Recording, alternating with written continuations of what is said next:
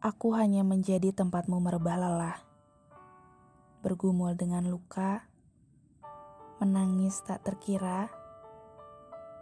Lalu, setelah semua laramu reda, kau pergi lagi bersamanya.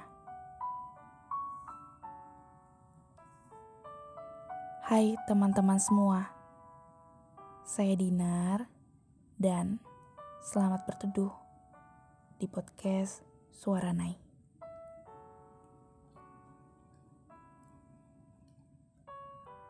Aku adalah rumah yang selalu kujaga dan ku beri bunga di ruang tengah, agar wanginya tidak membuatmu ke mana-mana.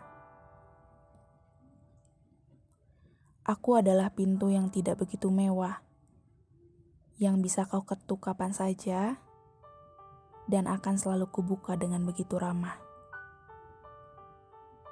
Aku adalah jendela yang tidak begitu bening, namun bisa membuatmu menatap senja dan arunika.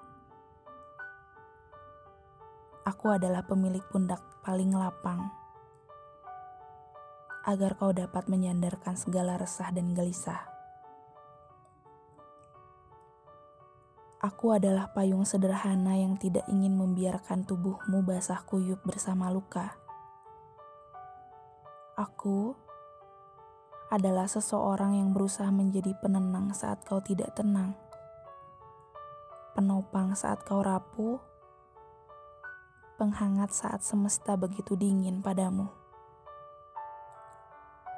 Seseorang yang selalu berusaha dapat menghapus air matamu. Aku adalah buku dan pena, tempatmu bercerita tentang segala rasa tentang ketidakadilan cinta dan pengkhianatan manusia. Aku adalah lagu yang kau suka.